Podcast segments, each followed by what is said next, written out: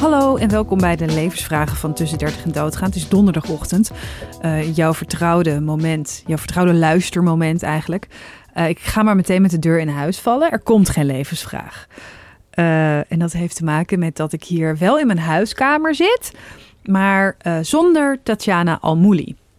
En dat heeft een reden. Die reden gaan we je maandag vertellen. Want maandag hebben we wel een gewone, mooie, reguliere aflevering. Maar soms loopt het leven even anders dan je hebt gepland. En um, dat heeft dan weer invloed op je week, je dag, uh, het moment van de dag. Uh, waardoor uh, het opnamemoment even werd verhinderd. En dat is helemaal niet erg. Um, sterker nog, je houdt er een van ons te goed. Je houdt ook wat extra's van ons te goed voor de oplettende volger op onze Instagram. Uh, en ook onze persoonlijke Instagram. Heb je misschien al een beetje door wat er aan de hand is? Nou ja, daar gaan we het maandag uh, met je over hebben. Maandag ook een uh, nieuwe levensvraag. Dus sorry dat je het even zonder um, jullie slimme, opmerkelijke en vooral gevatte inzendingen moeten doen.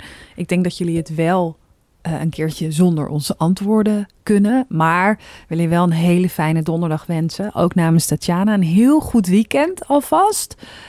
Um, ja, probeer niemand te vermoorden tijdens uh, inkopen voor kerst. Die mensen blijkbaar nu al aan het doen zijn. Ik weet niet wat er aan de hand is in die supermarkt. Maar het zegt oorlogsgebied. Um, een slagveld, dat is misschien een beter, echt zo'n ouderwets slagveld, zo'n Braveheart slagveld, waarin mensen elkaar te lijf gaan om een pakje kerstkrantjes of iets waar nog een sticker op zit dat je er korting mee krijgt omdat Sinterklaas het heeft laten liggen. Ik weet het allemaal niet wat er gebeurt daarbuiten. Ik blijf lekker binnen.